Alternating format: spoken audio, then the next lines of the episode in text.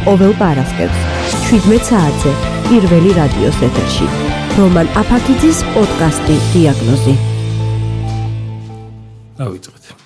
მივესალმები ჩვენს ფენელს, ჩვენს რადიო მსმენელს. დღეს რომან აფაკიძის პოდკასტის სტუმარია, ექსპერტი მეცნიერების საკითხებში სიმონ ჯანაშია, რომელთანაც ვისაუბრებთ განათლების სასკოლო განათლების რეფორმაზე საქართველოში და იმ პრობლემებზე, რომლის წინაშეც ზოგადად დგას ქართული განათლების სისტემა, მოგესალმებით ბატონო სიმონ. გამარჯობა, მადლობა მოსვევისთვის. პრინციპში ძირითადი საკითხი, რომელიც მინდოდა, რომელსაც მინდოდა რომ დღეს შევხებოდით, არის ჩვენი სკოლების სეკულარიზაციის აუცილებლობა, იმიტომ რომ რაღაც ტრადიცია ჩამოყალიბდა ბოლო წლების განმავლობაში. რომ სკოლაში რაღაც საეკლესიო დაწესებულებები, ესე ვთქვათ, და ხატების კუთხეები არის ძალიან მიღებული ამბავი ბოლო დროს მომიწია რამოდენიმე საჯარო სკოლაში ყოფნა, სადაც აი საკმევლის სუნი დგას, ხო რაღაც ხატების კუთხეა ორგანიზებული, რითი უშლის ხელს ეს განათლების სისტემის მოდერნიზაციას თუ საერთოდ უშლის, როგორ როგორ შეაფასებთ ამ სიტუაციას თქვენ? ანუ ძალიან საინტერესო კითხვა. მართლაც რა პრობლემაა ხო რომ ბავშვები აღზარდოთ არა მხოლოდ მოქალაქეებად, არა მხოლოდ რაღაცა აა კრიტიკულად მოაზროვნეებად, რატომაც არა, თქვა სკოლებში, რატომაც არ უნდა აღზარდოთ ისინი, თქვა როგორც ამას ხშირად ამბობენ, მათი სულიერების მხრიდან და რატომ არ უნდა აღზარდოთ ისინი რელიგიურადაც. აა და ამას ბევრი პასუხი აქვს, რატომ არ ღირს რომ სკოლებში იყოს არამხოლოდ ხატების კუთხეები, არამედ რატომ არ ღირს რომ სკოლები ცდილობდნენ რომ რელიგიურად აღზარდონ ბავშვები. ნუ ერთ-ერთი პასუხი არის ის, რომ თავისთავად მოქალაქეება და აღზრდაში შეიძლება ამან გარკვეული პრობლემები შექმნას იმ თვალსაზრისით, რომ ჩამოაყალიბოს წარმოდგენა ბავშვებში რომ თუ გინდა იყო მოქალაქე აუცილებელია რომ იყო რელიგიური და თან რომელიღაც კონკრეტული რელიგიის მიმდევარი. მეორე პრობლემა არის ინტეგრაციის პრობლემა. თუ ჩვენ ვიტყვით რომ სკოლები უნდა იყოს მოწყობილი უმრავლესობის რელიგიის შესაბამისად, მაშინ შეიძლება აღმოჩნდეთ ისეთ ვითარებაში, სადაც საქართველოს ზოგიერთ სკოლაში იქნება, ну, თქვათ, რა ვიცი, ისლამის სწავლება, ზოგან იქნება, თქვათ, სამხური სამოქციკულო ეკლესიის სწავლება, ზოგან იქნება ქართული მართლმადიდებლური ეკლესიის სწავლება და სხვა. ამათ შეიძლება კიდევ უფრო დააცილოს ეს ბავშვები ერთმანეთს და ჩამოყალიბოს ის მოსაზრება, რომ ისინი აი რეალურად ერთ და იგივე ქვეყნის მოქალაქეები კი არ არიან, არიან ერთ ტერიტორიაზე მცხოვრები, მაგრამ სხვა სხვა ღირებულებების მატარებელი მოსწავლეები. მესამე პრობლემა რაც ჩნდება ასეთ შემთხვევაში არის ის, რომ თავად რელიგიური აღზრდა სკოლების ფარგლებში არ არის ხოლმე ხშირად ისეთი, როგორც მშობლებს უნდათ რომ იყოს, ხო? მათ შეიძლება მშობლებს უნდადეს რომ ისი შვილი აა ვთქვათ, პატრიოტიზმდეს იმ რელიგიას, რომელსაც თავად აა რომლის აღსარებლადაც თავად მიიჩნევს თავს, მაგრამ სკოლაში ბავშვებს უყალიბებდნენ ძალიან ზედაპირულ წარმოდგენებს რელიგიების შესახებ. და მათ რთავდნენ ან ზეითად რთავენ ხოლმე რიტუალებში ისე რომ გააზრება ამ რელიგიის არ ხდება და შეიძლება ეცინააღმდეგებოდეს კიდეც მშობლის ღირებულებებს ხო? და ეს სერიოზული სერიოზული პრობლემა ჩვენ სისტემაში თუ გავითვალისწინებთ იმას რომ მშობლებს აქვს არჩევანი სკოლების და შეიძლება ამან გამოიწვიოს ის რომ სკოლებში ანუ შეიძლება ჩამოყალიბდეს სკოლები, რომლებიც სხვა სხვა ღირებულებით ფუნქციონირებენ, ხო? თქვათ, ეხაც არის ეს ვითარება, რომ მშობლები, რომლებიც ცდილობენ რომ გაიქცენ მათი შვილების რელიგიურ ინდოქტრინაციას, მიდიან ხოლმე ძირითადად კერძო სკოლებში, სადაც მათ ასეთ სივრცის, ანუ უფრო სეკულარული სივრცის გარანტიებს აძლევენ. და ამას შეიძლება გამოიწვიოს ის, რომ სრულად აცდნენ, თქვათ, კერძო და საჯარო სკოლის მოსწავლეები, ან საჯარო სკოლის მოსწავლეებშიც შეიძლება იყოს ნიშნავანი განსხვავება, რა ღირებულებებით აღიზრდებიან. მაგრამ ისიც უნდა ვთქვათ, რომ ანუ ვეძებოთ, აუცილებელია რომ ვეძებოთ საფუძვლები, რატომ მოუნდათ სკოლებს, ხო, რომ ეს შეეტანათ საკუთარ სივრცეში რელიგია, მაშინ, როდესაც საქართველოში ნაკლებობა რელიგიური დაწესებულებების, თქვათ, ეკლესიების საკვირაო სკოლებისაც ნაკლებობა ნამდვილად არ არის, ხო? კიდე თქვა რატომ უნდათ რომ სკოლის ფარგლებშიც იყოს ეს და აქ უკვე ბევრი სხვა ისე როგორც პრობლემა მრავალმხრივი, აქაც შეიძლება ბევრი პასუხი ეძებოთ. ანუ არსებობს გარკვეული საზოგადოებრივი დაკვეთა, ხო, რომ აღშობილს უნდა რომ მისი შვილი იქ სწავლობდეს რაღაცა რელიგიის შესახებაც რაღაცა. ერთ-ერთი ესეც არის, ხო, ანუ საზოგადოების დაკვეთა, ანუ მშობლების ნაწილისთვის ეს მნიშვნელოვანია, მშობლების ნაწილი თulis რომ კარგი იქნება მათ შვილებისთვის თუ ისინი უფრო რელიგიურები იქნებიან. აა ვიდრე იქნებოდნენ სკოლაში რომ არ იყოს თქვა ეს რაღაც რელიგიური სწავლება. მეორე არის ის, რომ საბჭო კავშირის დროს სკოლები ხელმძღვანელობდნენ გარკვეული იდეოლოგიის ფარგლებში და ამ იდეოლოგიიდან გამომდინარე ხდებოდა მრავალი სხვადასხვა მოქმედების თუ შინაარსობრივი საკითხების განსაზღვრა, ხო? თქვა როგორ ისწავლება სამნოეს ხოლმე მეცნიერებები, ლიტერატურა და სხვა, ხო? და მას მერე რაც ეს საფუძველი გამოიცალა სკოლას, რაც იყო ვთქვათ რაღაცა სოციალური სამართლიანობა, ეს საფუძველი რაც იყო ხო? ან ვთქვათ რაღაც საბჭოთა ერის შექმნა, იდეოლოგიური საფუძველი, ერთ-ერთი ან დაფარული საფუძველი რომ ვთქვათ რაღაც პატრიოტული აღზდა მოსწავლეებს რომ პირიქით საბჭო არ დაეჯერებინათ რომ ისინი მუდმივად იქნებიან საბჭო კავშირის მოქალაქეები. აი ეს რაღაც იდეოლოგიური საფუძველი გამოიცალა თუ არა, სკოლებმა დაიწყეს ძებნა იმ სხვა საფუძვლის, რასაც დაეყნობოდა აა სასკოლო რაღაცა განმავლობი პროცესი და ასეთ შემთხვევაში სახელმწიფო ვერაფერი ვერ შეთავაზა სკოლებს, ხო? ისეთი ხელმოსაჭიდი, ну, ხა ცხადია არის მიზნები, რომ თქო, რაღაცა დემოკრატიულ საზოგადოების შენებლობას უნდა შეუწყოს სკოლა ხელი, მაგრამ ეს იმდენად მნიშვნელოვანი მიზანი შეიძლება არ არის იმ ხალხისთვის, ვინც სკოლაში ასწავლებს და ვინც აღიზარდა თვითონ ავტორიტარულ სისტემაში და სადაც და თავად სასკოლო სისტემაც ხშირად ავტორიტარულია და შესაბამისად ახლა რთულია მოსწავლეებს დააჯერო რომ ისინი უნდა მოიქცნენ წესიერად, იმიტომ რომ ეს დემოკრატია სჭირდება და არა იმიტომ რომ თქო ამისთვის ღმერთი დასჭის. და შესაბამისად ლეგიტიმაცია ბევრი ბევრი მოქმედების სკოლისთვის გახდა რაღაცა რელიგიური სივრცე. აა მიიღეს რაღაც идеოლოგიური საფუძველი, რაღაცა ხო, რაღაცის გასაერთმიზნები, ხო, რისკენაც უნდა ის. идеოლოგიური საფუძველი არ არის მხოლოდ რელიგიურობა, ხათე არის რაღაც ეთნიკური ნაციონალიზმი, რომლის ფარგლებშიც მოიაზრება რელიგიურობა, ხო, რომ ქართველი აუცილებლად უნდა იყოს მართლმადიდებლური აღსარებლობის მიმდევარი და ნუ გამოყალიბდა მე სხვადასხვა აა მოსაზრება რომ ეს ყოველთვის ასე იყო და ასე შემდეგ. რაც თავისთავად ცდარია, იმიტომ რომ ჩვენ ქართველები ერთმანეთის საზინააღმდეგო იდეოლოგიებზე ვიზდებით ერთდროულად, ხო? ანუ ერთი და იგივე სკოლის ფარგლებში ასწავლიან რომ თქო ძველი კოლხებიც ქართველები იყვნენ და ანუ ხო ასწავლიან რომ ქართველი ვერ იქნება არა მართლმადიდებელი, ანუ წარმართლები არსებობენ ჩვენი იდეოლოგიის ფარგლებში, თუმცა ნამდვილი ქართველები არსებობენ მხოლოდ ქრისტიანობის შემოსვლის შემდეგ და ერთ-ერთი პრობლემა კიდევ რაც გაჩნდა სკოლებისთვის იყო ის რომ სახელმწიფოს სახელმწიფომ დაკარგა ლეგიტიმურობა და ეს მსგავსი პროცესი ხდება არა მხოლოდ საქართველოში, არამედ მაგალითად მეორე სოფლიო ომის მერე ევროპაშიც, ხო, როდესაც საზოგადოებები ხედავდნენ, რომ სახელმწიფო შეიძლება იყოს საშიში და გაჩნდა ერთგვარი წინააღმდეგობა სახელმწიფოს წინააღმდეგას და ეკლესია მოიაზრებოდა და დღეს მოიაზრება როგორც ერთ-ერთი წინააღმდეგობის ფრონტი, რომელიც საბჭოთა კავშირის დროს ებრძოდა საბჭოთა სახელმწიფოს და აქედან გამომდინარე უფრო მაღალი ლეგიტიმურობით სარგებლობს რეიტინგებით რომ ნახოთ ინსტიტუციების პოპულარობის ეხლა მხოლოდ ბოლო რეიტინგში იყო ჯარზე ხო თან ისიც ამ სკანდალამდე რომელიც ბოლოს ჰქონდა ეკლესიას. ჩვენ რამოდენიმე გადაცემის წინ სტუმრად ყავდა ბატონი დავით ბერძენიშვილი და მასთან გავიხსენეთ ანუ აი აი ეს ფაქტორი რომ გავშალოთ ან ავხსნათ ხო ვეცადოთ უფრო კარგად ახსნა მასთან ვისაუბრეთ ამაზე რომ თვითონ ეროვნული იდეის დაბადების დროს და ქართული სახელმწიფოებრიობის აღდგენის დროს იქ ზუიადის სურვილი იყო განცხადებაც იყო ესეთი რომ ჩვენ უნდა გქონდეს სახელმწიფო რელიგია. აა გქონდა ეს თეოდემოკრატიის იდეა ხო?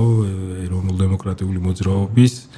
აა საბოლოო ჯამში ხო რაღაცა საფუძველი ეტყობა ამას идеოლოგიური ჰქონდა რომ ამით ჩავანაცვლებთ მაგრამ მეორე მხრივ ჩვენ გვაქვს ახლა სიტუაცია აა როდესაც ხშირ შემთხვევაში ნათლად ჩანს, როგორ ატარებს ოკუპანტი ქვეყნის მესიჯებს თავის თავში ქართული ეკლესია.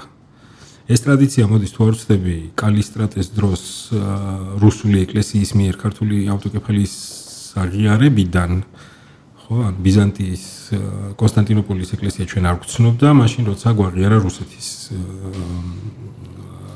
მოსკოვის პატრიარქმა.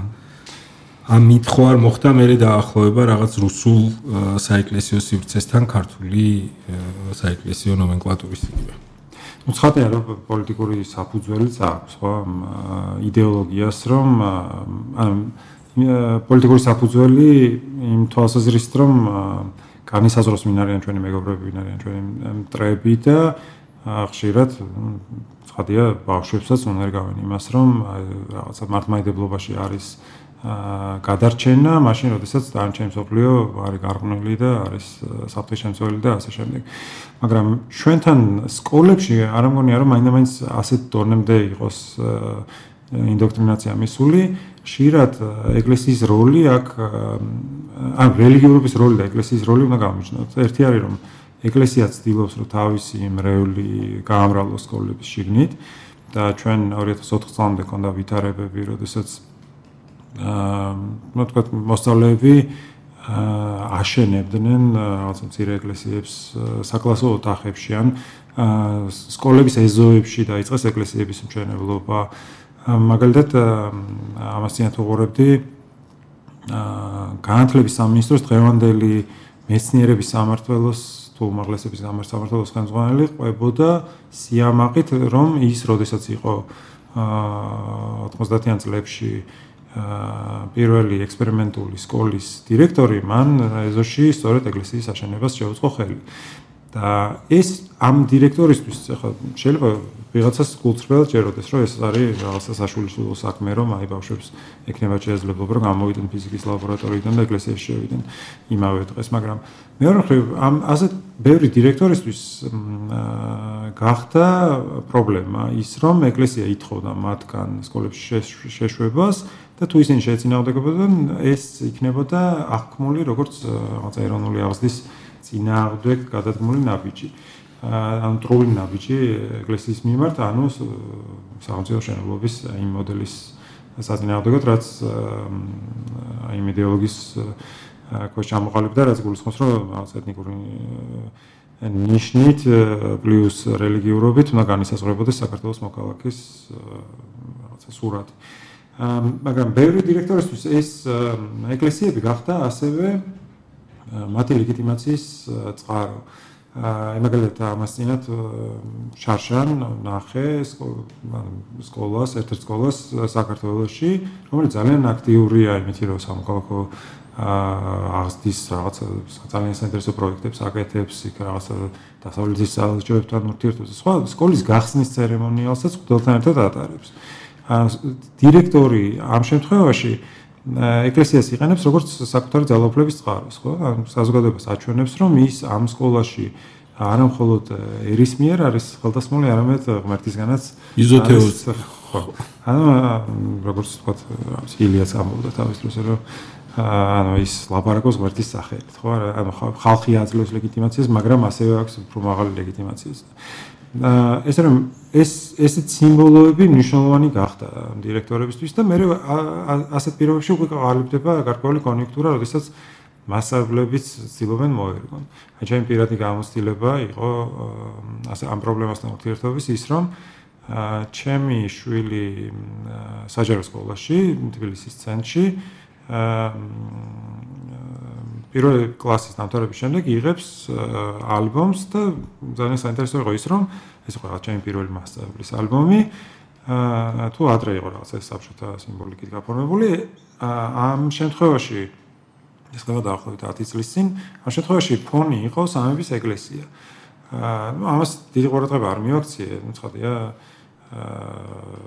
ვიფიქრე რომ რა ვიცი ეთობა რაღაცა ასე გადაწყვეტეს ესე ურჩევნეთ კი ბატონო მაგრამ შემდეგი ნაბიჯი იყო ის რომ ბავშვმა მოიტანა ეკლესიებით გაფორმებული ანბანი და თქვა რომ ეს ჩვენ უნდა ვიყიდოთ. ნუ ამასაც ამაზე ავხსენი რომ ჩვენ არ არ გვინდა ესეთი ანბანების ყიდვა სახში. საკმაოდ ბევრი საინტერესო ალბომი გვაქვს და მესამე ნაბიჯი იყო, როდესაც მეორე თუ მესამე კლასელ ბავშვს უთხრეს რომ რა ჩვენ ყველა ერთად უნდა წავიდეთ აა 100000 მოწამის დღის თუ ტრაგედიის აღსანიშნავად მეტეხის ხიძზე და იქ რაღაც ჩაუტარებენ ლექციას. ხო, დამაწყო. მანამდე იყო კიდევ შემთხვევა, როდესაც დაიგვიანა სკოლიდან აა მოსვლა და აღმოჩნდა რომ მას ჩაუტარა ლექცია ფუტელმა. და ეს იყო მეოთხე შემთხვევა, როდესაც სკოლა ცდილობდა რაღაც მის რელიგიურ აღზრდას და ასეთ შემთხვევაში გადაწყვიტა რომ უკვე დამრიგებელთან გამერკვია, თქვა, რატო იყო ეს ესეთი მნიშვნელოვანი მათთვის და ნუ ამეხსნა რომ ეს არ ღვევს საქართველოს კანონმდებლობასაც. თან ის უნდა გავითვალისწინოთ, რომ მე მაშინ მუშაობდი განათლების სამინისტროში. აა შოულების შოულთა კრებაზე ძალიან ფრთხილად შევეცადე რომ ამეხსნა რომ ზოგადად კანონის დარღვევა არ არის კარგი. იმიტომ რომ ბავშვებს თუ ვასწავლეთ რომ ზოგიერთ კანონის დარღვევა შეიძლება და ამას სკოლაც უწყობს ძალიან რთული იქნება შემდეგ იმისი ახსნა საერთოდ არსებობს ეს კანონები და როგორ უნდა შეიქმნას საზოგადოება. ანუ თქვა მაგალითად უხსენდი იმას, რომ ახლა სკოლაში არის წესი, რომ მეორე სართულზე ასვლა არ შეგვიძლია, ჩვენ ვიცავთ ამ წესს, მაგრამ აქედან გამომდინარე, თქვა ესეთი პრინციპებიდან გამომდინარე, მაინტერესებდა ისინი როგორ უყურებენ ამ საკითხს, რომ თავად არ ღვევენ კანონს. მასაებმა თქვა რომ მას გაცნობიერებული აქვს ის რომ კანონს არ ღვევს, მაგრამ სხვა გზა არ აქვს, იმიტომ რომ სხვანაირად ჩვენ შვილებს ვერ აღზრდის ის ქართველებად და მშობლებიც მაშინვე გაითანხმენ და თქვენ რომ ხო რა თქმა უნდა, აი ჩვენ გვინდა რომ ჩვენ შვილები იყვნენ რელიგიურები, ჩვენ გვინდა რომ ისინი აღიზარდონ კარგ ქართველებად და ამიტომ ჩვენ გვიხარია როცა სკოლა ესეთ რაღაცებს აწყობს. და მე რა ეს რო უმცირესობაში ერთადერთი ვიყავ შოგლოში რომელიც ამბობდა რომ ჩემთვის მიიღებელია თუნდაც და ბევრი სხვა სხვა არგუმენტი თქვა ერთი იყო კანონის არგუმენტი. მეორე იყო ის რომ ცდილობდი ამეხსნა რომ შეიძლება მეც მინდოდეს რომ ჩემ შვილი იყოს რელიგიური მაგრამ მაგალითად იმ ხდელმა რომ ჩაუტარა ლექცია სრულიად საპირისპიროდ განაცხო ჩემი შვილი. ამ ხდელმა ეს ყველი მოუწოდებდა ბავშვებს რომ რაღაცა მობილურების აშენელებაა და რაღაცა არ ითამაშონ და ასე შემდეგ. და ანდროს ჩემი შვილი ოცნებობდა იმაზე რომ მობილური ქონოდა და არ მოიწონა ეს.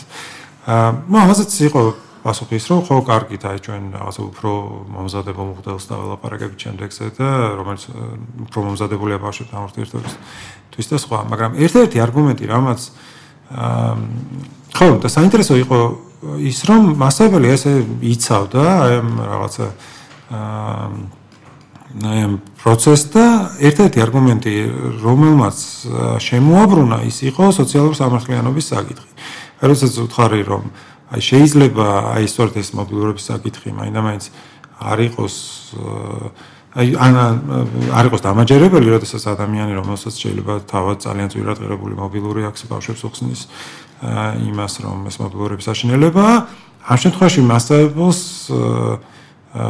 არ ვიცი ეს რაღაც უეცარი რაღაც შეუბრუნება ქონდა და თქვა რომ ხო აი რა რა საშინელება, როდესაც ისინი გვას გვასწავლიან თვითონ ისე არ ცხოვრობენ როგორც ჩვენ გვასწავლიან. მაგრამ აქვე დააყოლა ესე ძალიან საინტერესო ფრაზა რომ ეს ყველაფერი გასაგებია, მაგრამ და მშობლებს გადახედა და თქვა რომ ეს ყველაფერი გასაგებია, მაგრამ ამათ რა უყო?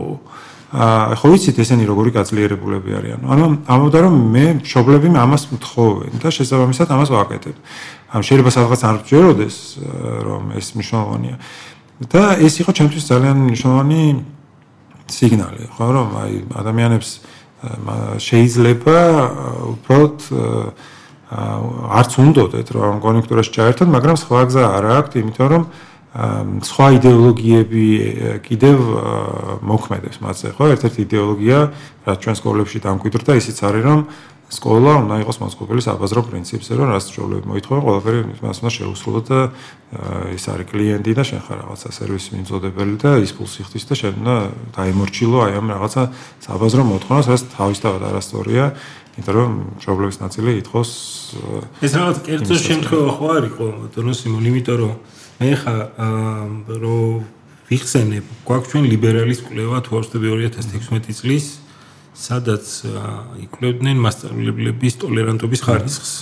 თქვენ უკეთ გამახსოვრებათ ალბათ ეს ხო? იქ ხო რაღაც 70%-ზე მეტი თუ არ ვწდები მაშინ ჩატარდა ეს დაწყებითი კლასების მასწავლებლებში იყო ნეგატიურად განწყობილი, ღია აგრესიით განწყობილი, რელიგიური, ეროვნული და სხვა ტიპის უმცირესობების სადმი. ანუ ამდენი კვლევა, რომელიც ამას ადასტურებს, არის ამბუთმენის ოფისის კვლევა, არის სხვა სხვა არასამთავრობო ორგანიზაციის არის ჟურნალისტების კვლევებიც. და ერთია რომ უბრალოდ მასშტაბლები აგრესიულად ხდებიან ამ რაღაც უმცირესობების საკითხს და თავისთავად წყარო ამ აგრესიის არის ის იდეოლოგია, რასაც ეკლესია აღწელებს ხშირად, ხო რომ ეს უმცირესობები არის რაღაც დასავლური იდეა, რომელსაც შეიძლება დავემორჩილოთ, რომ დავკარგავთ საკუთარ იდენტობას. ხო, ეს ეს იდეა აღწელდება, მაგრამ მე რომ ხე თვითონ ფორმებია, იმდენად საშიში, რასაც იღებს ხოლმე აი ეს არის მასალების მოქმედებები, რომ მაგალითად გვაქვს შემთხვევები, როდესაც სკოლიდან ბავშვები წაუყვანიათ და მოუნათლიათ. ისე რომ შობლებმა არც იცოდნენ ამის შესახებ. ანუ არის შევიწროების ფაქტებიც არის ბავშვები რომ ერთმანეთს ჩაგრავენ რელიგიურ ნიადაგზე ესეთი ფაქტებიც ის რამდენიმე წლის წინ იყო, როდესაც ბავშვმა შუშანიკის წამების განხილვის დროს რაღაც ალტერნატიული ალტერნატიული ინტერპრეტაციები ცადა იმ ვითარების რაც ხდებოდა და ბავშვებმა ვარცხენის წენი იყო მოკლედ ხო ხო ანუ ცხრათ წმინდანად არ არისო და და ეს ეცნებოდა სხვა ბავშვების აზრით დასაშვებ რაღაცა სადისკუსიო თემის ფარგლებს და ეს ბავშვი არ ვიცი, გარიყეს საბოლოო ჯამში, მე უბრალოდ მას მოუწია ჩარევა, გადაყო. ანუ რეალურად ასეთ პირობებში ბავშვებს აღარ უნდა თქომა მე. აი ეს პრობლემა სად იქნება? ანუ ჩვენ გვაქვს ჩემი აზრით საზოგადოების დიდ ნაწილში აა ესეთი მიდგომა რომ დემოკრატიულობა, ანუ დემოკრატია, უმრავლესობის მართლობა, ესე ვთქვათ, ანუ უმრავლესობის დიქტატი. ეს არის საკმარისი. სიტყვა ლიბერალი ზოგადად ხო ლიბერასტს ხმარობს მე ხშირად საზოგადოებაში გავრცელდა ეს ტერმინი რომელიც რუსული წარმოშობის ტერმინია 99 წელს ერთ-ერთმა აღარ მახსოვს რომელმა რუსმა ჟურნალისტმა გამოიყენა ეს ტერმინი ანუ ჩვენ კი გვაქვს გადაგირკვევი საქართველოს კანონის ზოგადი განათლების შესახებ დევს აქვს სადაც განსაზღვრულია რომ ჩვენი მოთხოვნები ზოგადად განათლების სისტემისადმი არის ლიბერალურ დემოკრატიული ფასეულობების დამკვიდრება, თუმცა რას ნიშნავს ლიბერალიზმი, რომ ეს ნიშნავს უმრავლესობის მართლობას, მაგრამ უმცირესობის უფლებების დაცვის ფონზე, ხო ეს არ ხდება. მე მგონია, რომ რამოდენიმე დღის წინ მქონდა საუბარი დასავლეთის ბაღებზე. სადაც აი სამოქალაქო განათლებაზე საუბარი იწყება იქ ბაღებიდან და იქიდან ასწავლიან ბავშვებს უცხოს პატივისცემას და ასე შემდეგ. მეორე მხრივ არის ევოლუციური განპირობებულობა უცხოს შიშის მიმართ, ხო, ვთქვათ ახლა ეს რიჩარდ დოკინსიც წერს ამაზე, კრაუსიც თანამედროვე მეცნიერებმა ამის მიზეზს დაადგინეს. ჩვენ იმუნური სისტემაც კი უცხოს აღმოჩენაზე და იმის განადგურებაზე არის აა ორიენტირებული, ესე ვთქვათ, და ეს გვიცავს. ზოგადად. შიში არ არის აუცილებელი ხო? იმისთვის რომ საკუთარი იდენტობა შექმნა. ანუ თავი რომ განსხვავებულობა დაინახო ხო? ანუ თუ ქართველი ვერ ასხვავებს თავის თავს არ ვიცი თქვა რუსისგან მაშინ ცხადია რომ პრობლემა იქნება ანუ თუ მხოლოდ საერთო იდენტობა იქნება მაგალითად ევროპელებსაც, მაშინ ადამიანი, თქვა იტალიელი ვერ მიხვდება რომ იტალიელია და ფრანგი ვერ მიხვდება რომ ფრანგია. ანუ ჯერ მაგამდე არ მისულა ხო ევროპაც კი რომელსაც არც საზღვრები აქვს და საერთო ეკონომიკა აქვს და ძალიან მაღალი მობილობა იდეების, ადამიანების, ფინანსების და ასე შემდეგ.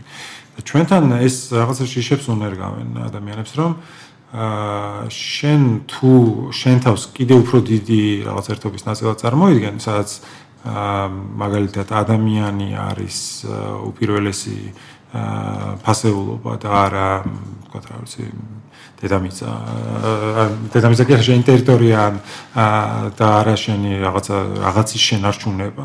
ადამიანებს გონიათ რომ ერთი მეორეს ეწინააღმდეგება ხო? ანუ რა ვიცი ვაჟებშაველას რუსთაველი მეტია ვიდრე დანტე, ხო, ვაჟაბშელი ჩვენ თუ ვიამაყებთ დანტეთი ეს ავტომატურად ასეთი მიდგომისთვის ნიშნავს იმას, რომ ჩვენ საკმარისად არ ვამაყობთ რუსთაველი, ხო. და ის რომ სინამდვილეში თავსებადია ის რომ ჩვენ მაგალითად თუ ევროპული კულტურა ეფუძნება, თქვა, ბერძნულ კულტურას და ჩვენც რო თქვა, რომ ჩვენი კულტურაც ეფუძნება ბერძნულ კულტურას და ამითი დაუახლოვდეთ ევროპას, ეს არ ნიშნავს იმას, რომ ჩვენ უარს ამბობთ ჩვენ ისტორიაზე პირიქით უფრო უახლოვდებით ხო შუა საუკუნეების ქართველისთვის, განათლებული ქართველისთვის, თუ ვინც ვინც ჩვენ გონია რომ ქართველები იყვნენ, მათთვის ბერძნული რომაული კულტურა იყო მათი ფილოსოფიური საფუძვლების წყარო, ხო? ანუ ისინი ხელმძღვანელობდნენ ამ საფუძვლებით, ისე როგორც ქრისტიანობას ხელმძღვანელობდა შემდეგ. თუ დავის დროზე. და ჩვენ შევეცადეთ რაღაც დროს რომ გვეპოვა მხოლოდ ქართული საფუძვლების საკუთარი კულტურისთვის. ანუ გვეთქვა რომ ჩვენ მაგალითად ისტორიის კურსებშიც ხაზი ესმეოდა სულ იმას რომ ჩვენ ვართ ავტოქტონური ერი რომ აი ამ ტერიტორიაზე ჩამოყალიბდით და ჩვენ ვართ ასეთები იმიტომ რომ სხვებს ვებზოდით და არა იმიტომ რომ სხვებთან ურთიერთობა გქონდა. ხო, ერთი მხრივ კი ვამბობთ რომ რაღაცა კულტურების და ხალხების გზაჯვარედინზე ვართ, მაგრამ э, ჩვენ э, უბრალოდ ეს ხალხი გავატარეთ, ისე რომ არაფერი შეგვითვისებია და სიამოვნებაში ჩვენი э, განვითარების წყარო ყოველთვის იყო ეს ურთიერთობები, ხო? სწავლობდით სამხედრო საქმეს რომაელებისგანაც და მონღოლებისგანაც. მიუხედავად იმისა, მოგწონა თუ არა მათი ყოფნა ჩვენთან, ხო? და ახლა პრინციპში მაშინ სხვანაირად უყურებდნენ კიდე ამ ამ ურთიერთობებს, იმიტომ რომ ფეოდალურ სამყაროში ეს რაღაცა ნაციონალური იდენტობა ისე არ იყო ჩამოყალიბებული, როგორც ჩვენ დღეს წარმოგვიდგენია ხოლმე. მაგრამ განათლების როლზე განათლების როლზე არ გვაქვს მაინდამაინც ჩამოყალიბებული წარმოდგენა, ხო? მასალებს უწევთ და დირექტორებს უწევთ მრავალხრივი ურთიერთწინააღმდეგობრივი შეკვეთებებზე პასუხი, ხო? ერთი მხრივ არის კანონი, რომელსაც არ მოყვება არანაირი მექანიზმი ამ კანონის აღსრულების, იმიტომ რომ თავად გადაწყვეტილების მიმღების პოლიტიკოსებს ეშინიათ, რომ ის რაზეც დათანხმდნენ კანონის მიღების დროს აღასრულონ, იმიტომ რომ ეს ნიშნავს რომ პრინციპში წინააღმდეგობრივია ეს კანონი კონკორდატთან მე მგონი თავის თავშივე უკვე. ხო, პრინციპში არ ვიცი, ხა ეს შეიძლება ესეც შევხედოთ. მე არ გონია რომ წინააღმდეგობრივია, ცდილობს რომ შეავიწროს კონკორდატის გავრცელების ან დააზუსტოს კონკორდატის გავრცელების არეალი, იმიტომ რომ ეკლესია აა სადაც 10 წლის წინ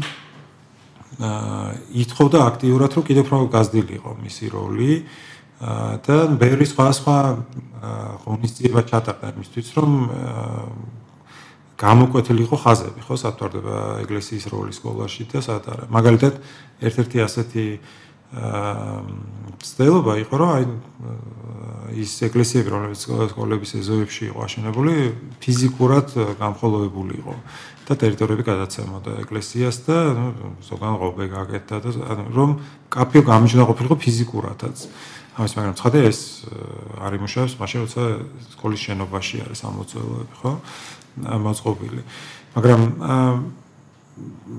მე როხებ ნუ საქართველოში არის კიდევ ერთი სერიოზული პრობლემა, რომ ძალიან სუსტია სამოქალაქო საზოგადოება, რომელსაც შეიძლებოდა მაგალითად სასამართლოს თვის მიემართა და სასამართლოში დაეცვა საკუთარი პრინციპები, რომელიც ამ კანონზე დარქმობთ. ხო, ეს კანონი ამის საშუალებას იძლევა და არიყენებს პრაქტიკულად საზოგადოება, იმიტომ რომ რაღაცა ორგანიზებული ჯგუფები არ არის, ხო, თქვა სხვა სახელმწიფოებში, მათ შორის ჩვენზე უფრო რელიგიურებშიც კი არსებობს ესეთი რაღაც საზოგადოებები, რომლებიც მაგალითად ამერიკის შეერთებულ შტატებში აა ერთ-ერთი ყველაზე გამიჯნული სახელმწიფოა ეკლესიის სახელმწიფოს გამიჯნის თვალსაზრისით სკოლებში არის მთელი ორგანიზაციები, რომლებიც ყურადღებას აქცევენ იმას, რომ სხვა სხვა რელიგიური ჯგუფი არ ცდილობდეს აა ბრიტანეთში იყო ხო? თუ არ ვწდები დოკინსი კრეაციონიზმის სწავლების წინააღმდეგ ესეთი პროცესი? ან პროცესები ხო ბევრი არის და ნუ ამერიკაში იყო პირიქით პროცესებიც ხო, როდესაც მაგალითად ევოლუციის თეორიის სწავლების აკრძალვას ცდილობდნენ და მიაღწიეს კიდე ზოგიერთ სამხრეთის შტატში, მაგრამ არის აა პრინციპში ბევრი პრეცედენტი არის, როგორ შეიძლება იურთიერთოს სახელმწიფომ სკოლასთან. ჩვენ აა ჩვენ ვართ ჩვენ ვართ ვითარება, როდესაც აა სამართლებრივი საფუძვლები ერთია და პრაქტიკა მეორე.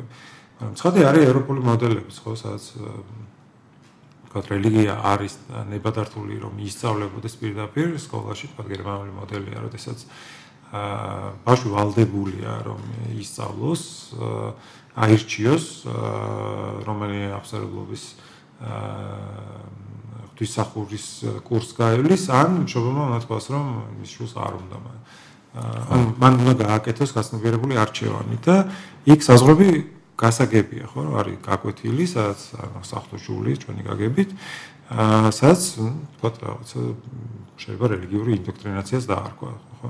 ჩვენთან რა შეიძლება მათემატიკის მასწავლებელი ცდილობდეს აიღოს ის ფუნქციები, რაც უნდა კონდეს სასულიერო პირს.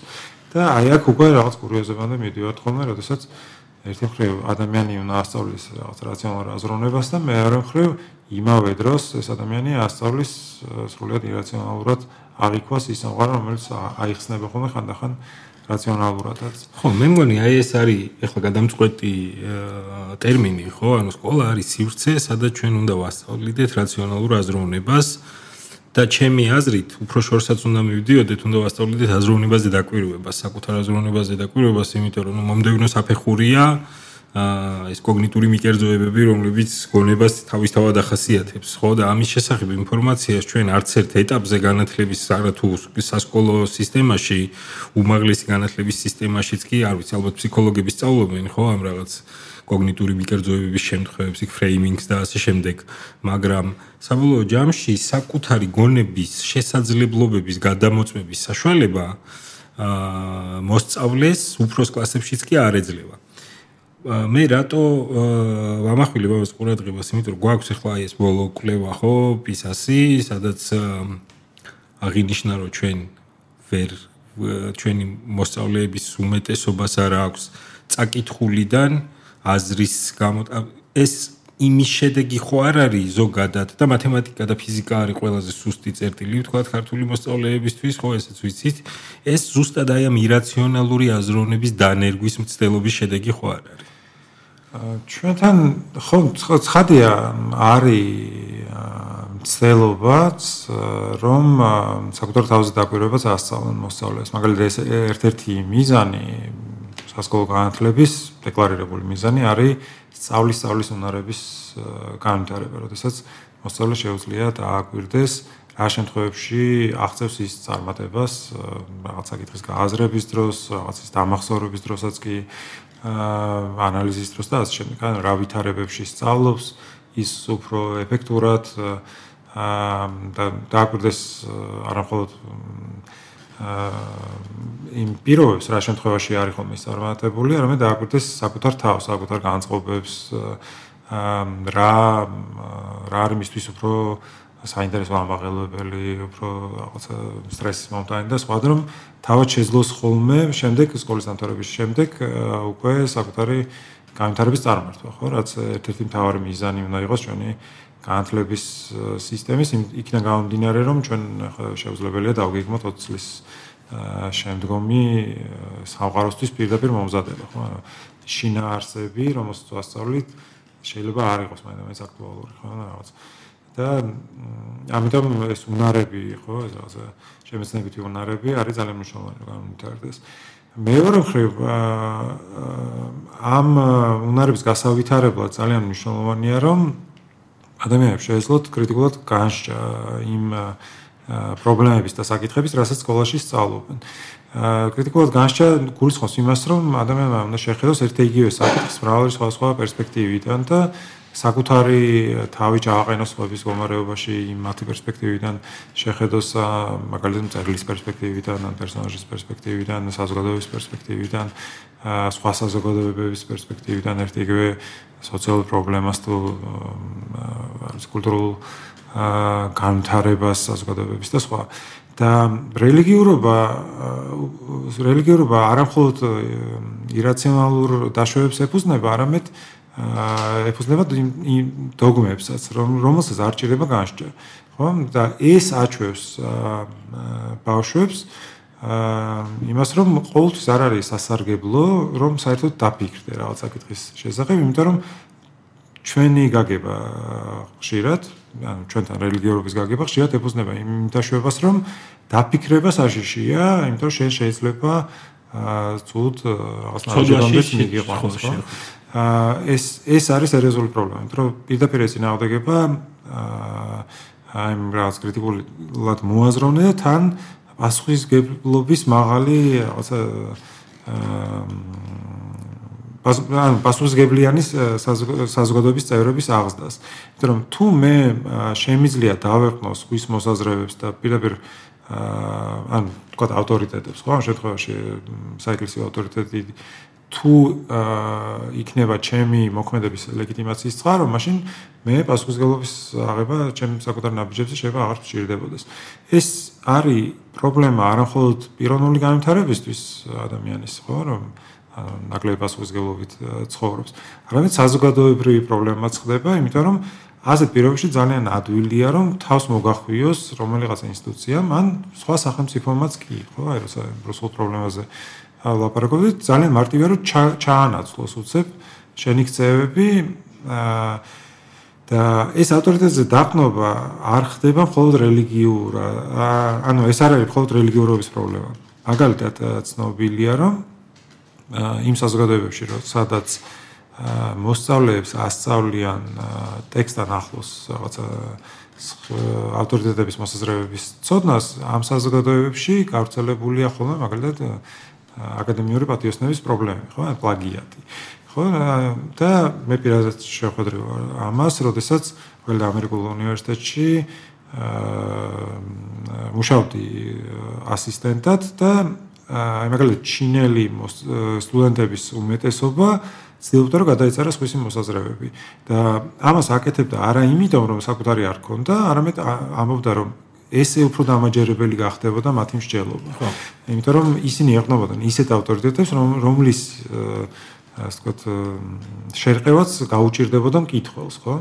და აქედან გამომდინარე ისინი ხო ჩვენი სასკოლო განათლებაც ამ პრინციპს ეყნობა. ანუ არ არის ჩვენ რომ რელიგია ჩამოვაშოროთ ამ ამ პროცესს ეს არ ნიშნავს იმას რომ ადამიანს კრიტიკულად ახსნის სხვა ავტორიტეტები გაჩნდება.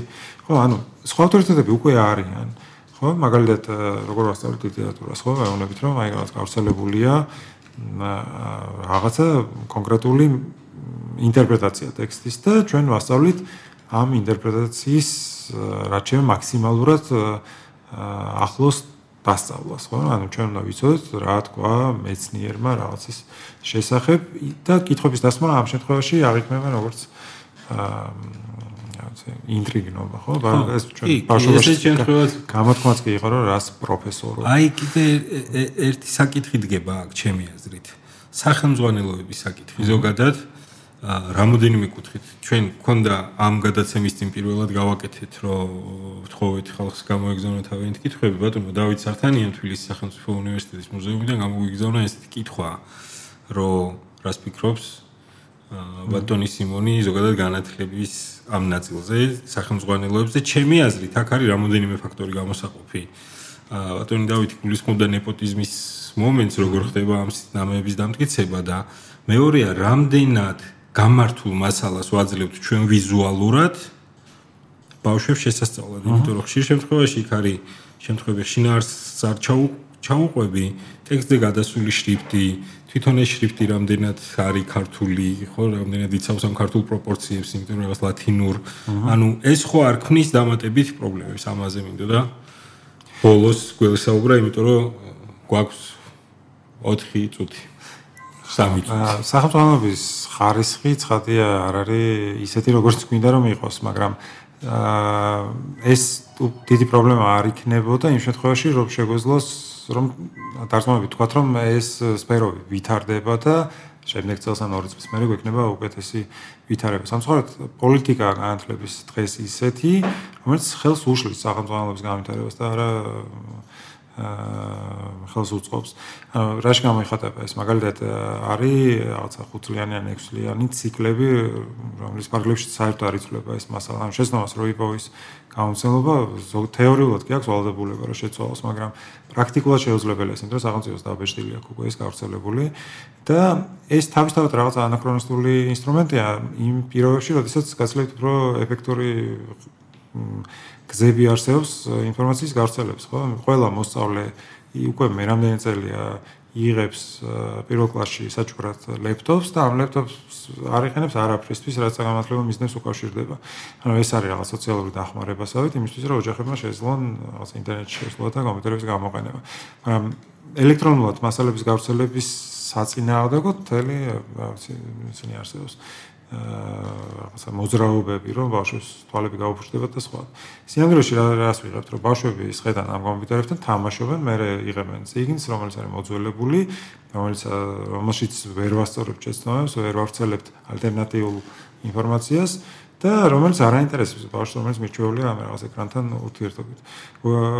რამდენად არის ეს კორუფციული სქემის ადგილი ზოგადად ამ კორუფციული ჩვენ ვიცით რომ ტენდერების garaში აქვს მიღებული შეკვეთები გარკვეულ ჯგუფებს დაბეჭდვაზე, იგივე ჯგუფები ცდილობენ მე რომ გახდნენ რაღაცა გამომცემლობებიც და ცხადია რომ როცა სახელმწიფოს აქვს მონოპოლიზებული ეს ეს სფერო, მაშინ ყოველთვის ჩდება შეიძლება რომ ვიღაცა ან ნეპოტიზმის გამო, ან უბრალოდ რაღაც ავტორიტეტის გამო მოიპოვებს უფლებას, რომ გამოსცეს სახელმწიფო.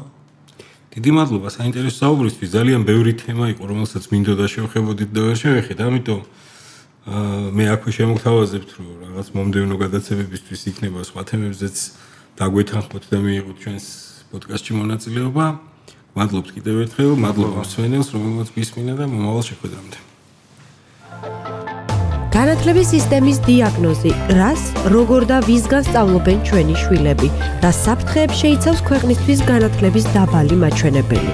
ამ თემაზე ვისაუბრებთ ყოველ პარასკევს. 17 საათზე პირველი რადიოს ეთერში. რომან აფაკიძის პოდკასტი დიაგნოზი.